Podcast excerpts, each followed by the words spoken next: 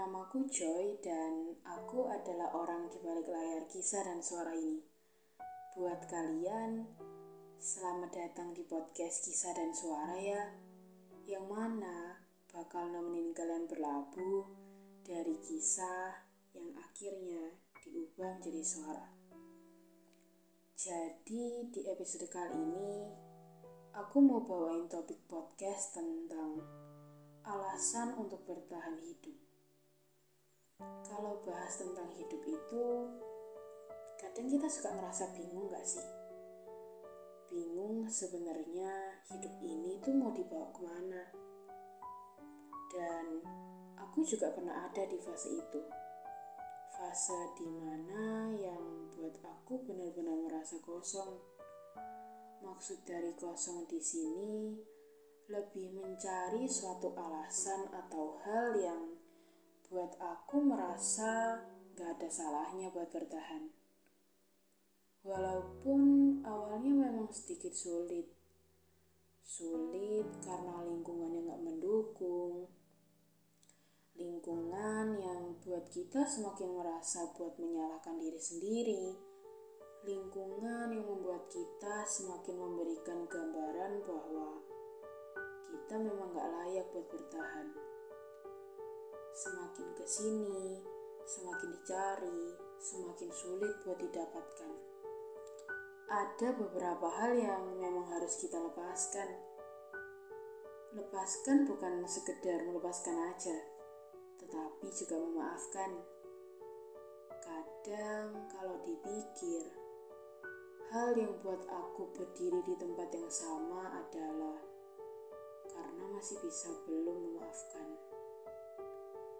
menerima bahwa people come and go itu memang ada.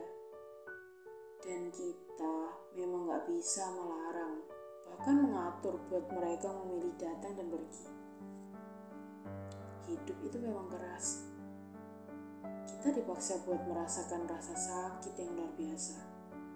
Rasa sakit yang kita sendiri belum bisa mampu buat mengobati terkadang yang dunia mau tahu cuman bahagianya aja.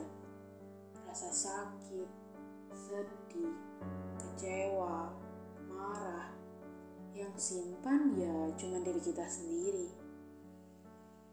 Jadi di episode kali ini aku mau sedikit cerita tentang alasanku memilih untuk bertahan.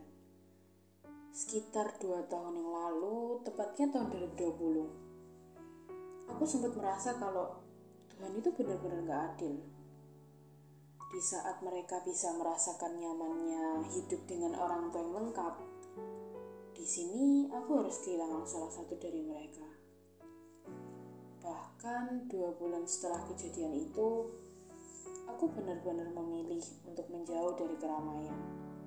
Memilih untuk sendiri sampai semuanya sedikit berkurang. Bahkan bisa dibilang Menyesal dan rasa bersalah, kemungkinan waktu itu adalah teman keseharianku. Sampai di satu titik, aku memutuskan untuk bergabung di salah satu komunitas yang dikenal dengan Connect Group. Di dalam komunitas itu, aku benar-benar belajar banyak hal. Belajar untuk bertumbuh bersama dengan banyaknya latar belakang yang berbeda-beda. Belajar mengerti satu dengan yang lain, dan belajar untuk berproses bersama. Aku sadar bahwa kita memang gak bisa mengatur, mengatur mereka mau menetap atau mau pergi. Tugas kita cuma jadi orang baik, itu lebih dari cukup. Mungkin Kalian pernah ada di fase ini. Fase yang gak tahu mau apa, gak tahu mau cerita ke siapa, bahkan gak tahu ke depannya nanti hal apa sih yang harus aku lakuin. Perlu kalian ketahui, jangan pernah nyerah. Jangan pernah ulangin hal yang hampir buat diri kalian hilang. Manusia memang orang yang suka menaruh ekspektasi yang tinggi Gak ada yang melarang kamu buat sedih. Sedih itu hal yang wajar. Dan kalau ngomongin tentang alasan untuk bertahan hidup, awalnya memang sedikit sulit. Dulu aku juga sering mencari-cari, kira-kira hal apa sih yang bisa buat aku untuk bertahan. Setelah dicari, ternyata hal itu ada di diri aku sendiri. Hal itu yang membuat aku semakin sadar bahwa, oh, ini rasanya bertahan. Memilih bertahan untuk melihat diri sendiri bahagia rasanya lebih menyenangkan daripada bertahan untuk orang lain. Kalau seandainya kalian masih belum bisa menemukan alasan untuk bertahan hidup, belajar coba dicari lagi ya. Alasannya mungkin kelihatan sulit untuk digapai. Semua itu berawal dari sebuah mimpi.